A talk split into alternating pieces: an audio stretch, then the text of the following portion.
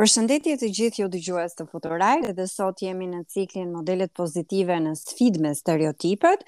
E ftuara e sotme është një zonjë që ka një profesion shumë të veçantë, por e veçantë është edhe nga natyra, sepse mënyra se si ajo e prezanton profesionin e saj, po edhe pasionin e saj, e bën akoma dhe më të veçantë atë profesion që quhet sommelier, po në rastin tonë, zonja është sommeliere.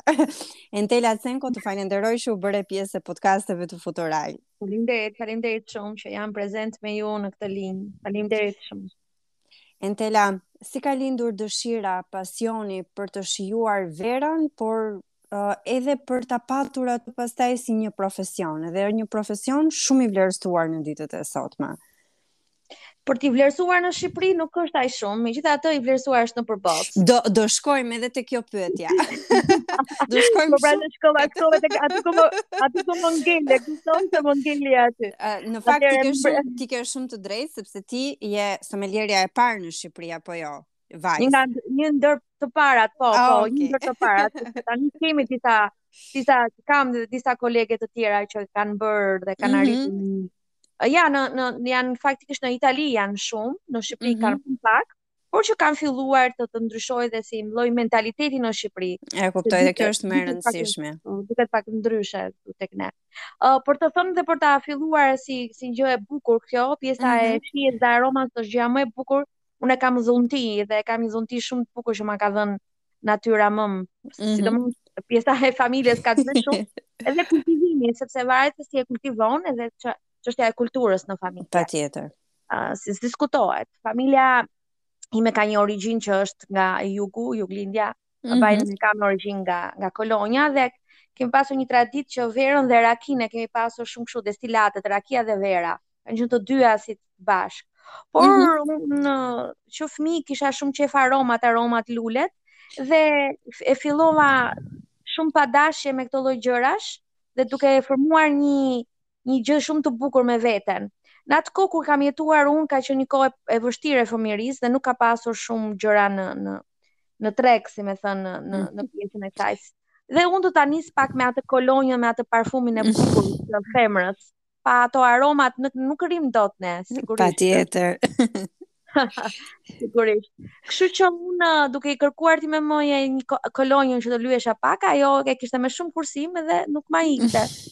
Unë e doja për ditë, po për ditë s'kisha, edhe kështu që mundohesha që të krijoja diçka me vete dhe më lindi një ide me atë pikën e parë të rakisë me ato lulet t'i fusja dhe t'i mbyllja në një shishe penicilinës edhe në atë kohë të thashë ku ka nuk ishte mundësi për të eksperimentuar në fakt. Fare, fare, fare dhe arrita të bëja diçka, po në momentin që unë hapa tapon, më avulloi gjithçka. Edhe ngela pa atë kolonjën time. Duke kërkuar një ndihmë të vogël tek familjarët, më thanë që ti ta bësh me pak vaj, thanë, po jo me aromë. Dhe morëm një vaj të asaj kohe që ka qenë me një e, ka qenë një ambalazh që sot edhe është e frekuentuar që pjesa e aluminit është me një me pjesë alumini mm -hmm. dhe mhm. ambalazhi ka qenë shumë i mirë dhe shumë perfekt. Kishte aroma dhe unë arrita të bëja një kolonjë që unë e kam pas shumë për zemër në atë kohë. Dhe kështu mhm. më lindi dhe fillova të kultivoja atë pjesën e aromës.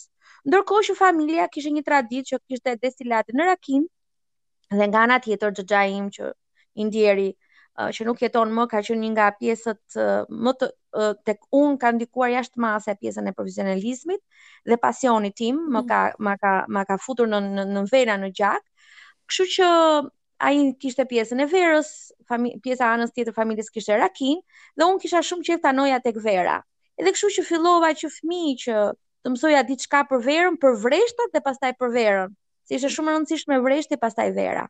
E kuptoj. E këtu pak nga pak.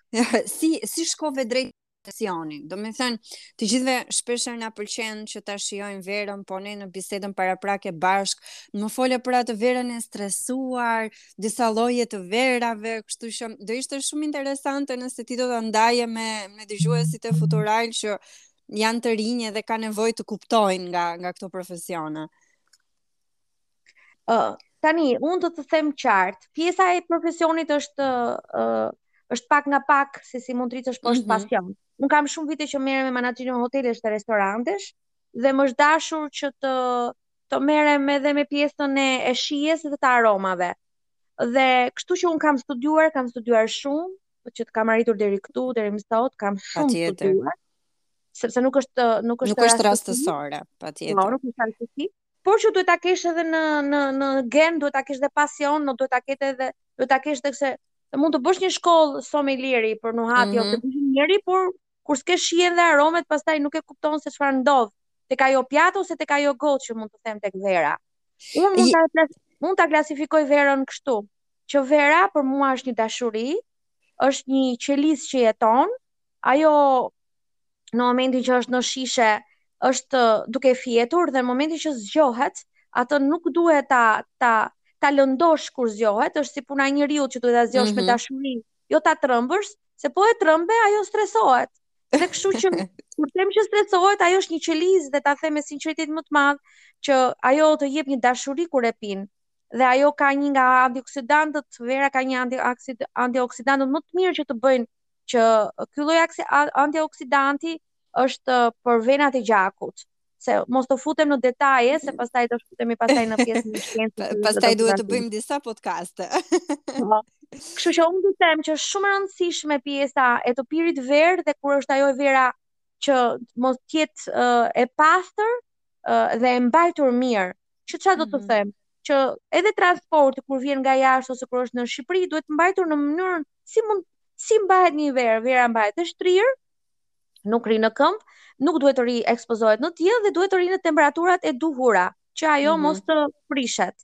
që po të them për temperaturat janë tek e bardha duhet të rrinë në të ftohtë, që janë 6 deri në 8 gradë, dhe tek e kuqja janë 15 deri në 18 gradë. E kuptoj. Kështu që tek restorantet kur ka kondicioner që ishte 34, ajo vera është e stresuar. Dhe prandaj dhe unë e kam të tërë. uh, Entel, Të është dashur ndonjëherë të përballesh me stereotipe, me këto paragjykimet që të thonë se po ti je vajzë, ti je grua, ku merr vesh ti, apo po ku është në gjendje ajo që ta dallojë, domethënë këto paragjykimet edhe gjykimet që vijnë, jo vetëm nga burrat, vijnë edhe nga, nga gratë e tjera, apo nga kushdo, i cili vendos në pikëpyetje aftësinë apo profesionalizmin e dikujt tjetër. Dhe besoj edhe ti si kushdo tjetër e ke ndier këtë këtë pjesë? Patjetër, patjetër që po.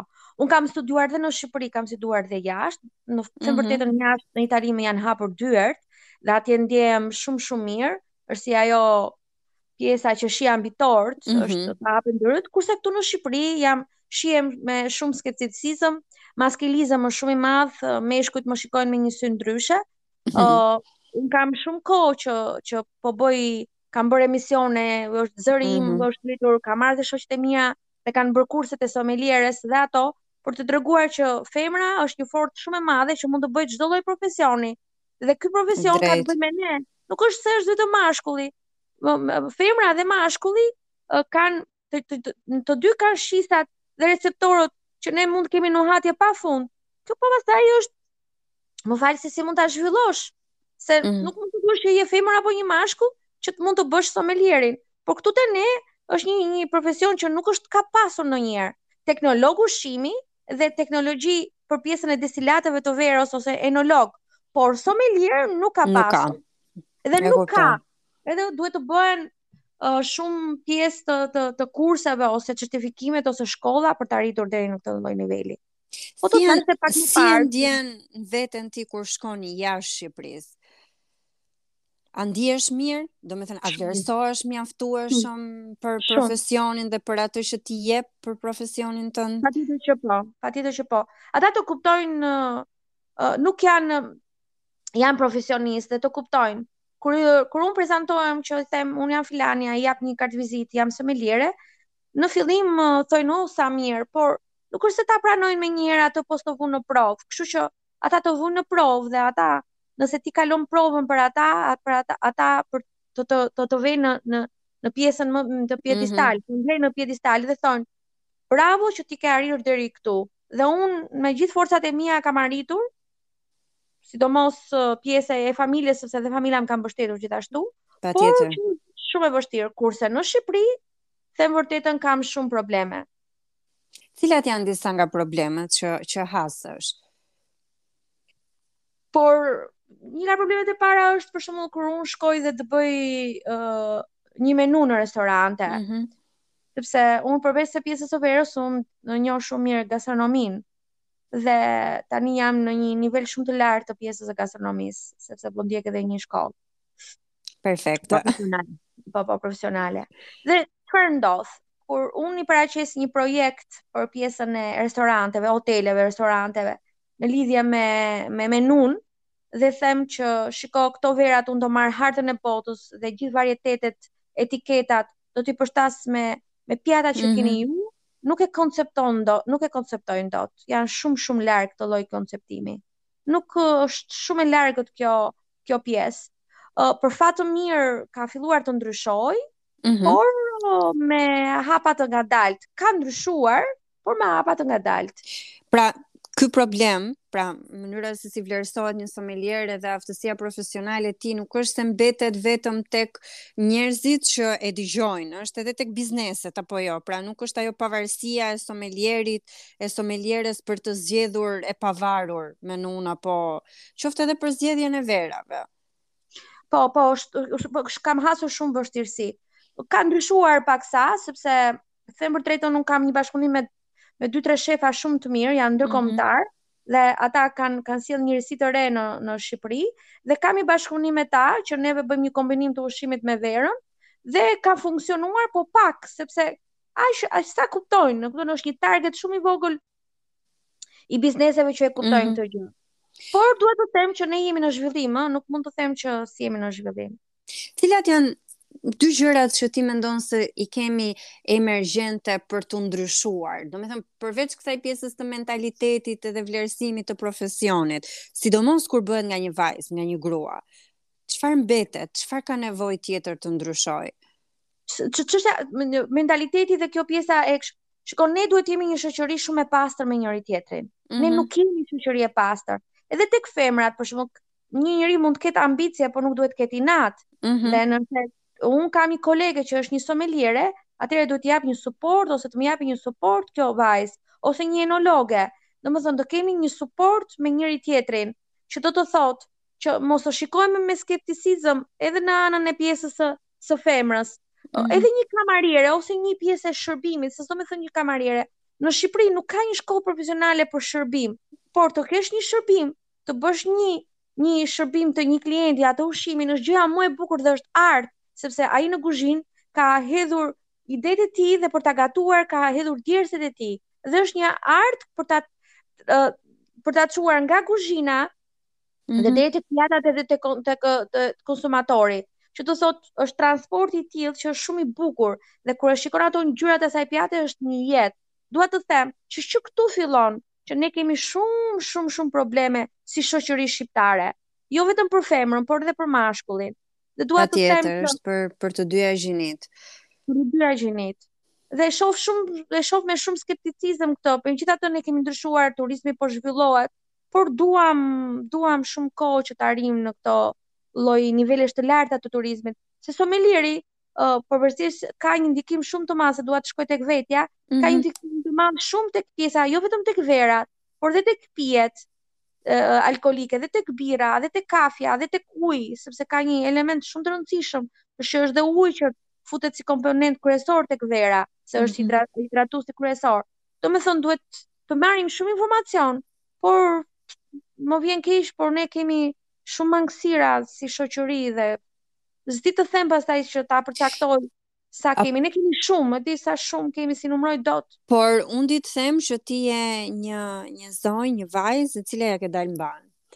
Edhe ky rasti jot, ky modeli jot duhet të shërbejë që shumë vajza dhe gra të tjera, të cilat ndoshta e mendojnë s'e kanë si aftësi, e ndiejnë veten të stepura pikërisht nga ky uh, diskriminimi, paragjykimi, përjashtimi sepse në Shqipëri ndoshta ende vazhdon ajo uh, ai stereotipi që këto janë punë për gra edhe këto janë punë për burra. A ke ti një mesazh tëndin për të gjitha ato vajza dhe gra që duan të heqin dorë nga këto frazat e gatshme edhe kritike që pasohen nga njëri vit tek tjetri e bëhet pastaj histori. Në radhë të parë është besimi që ke tek vetja. forca që të jep uh, ajo që ti ke brenda është gjëja më e bukur dhe thirre zërin tënd.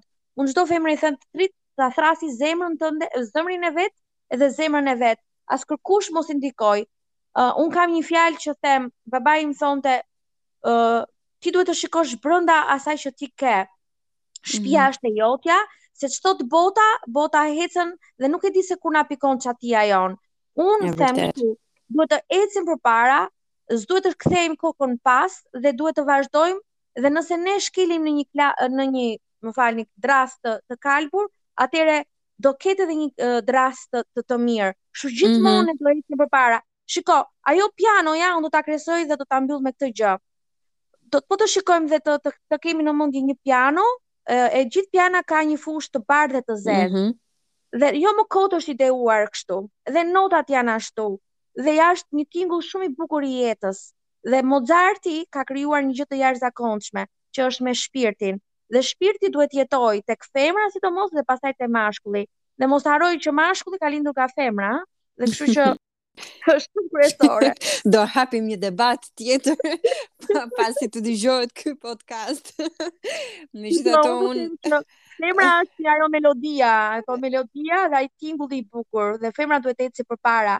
Dhe unë i jap forca dhe kushdo që të ketë një profesion, edhe të bëhet në qoftë se ka këtë nuhatjen edhe shihet, unë i jap një suport shumë të mirë që të shkojë sa më lart.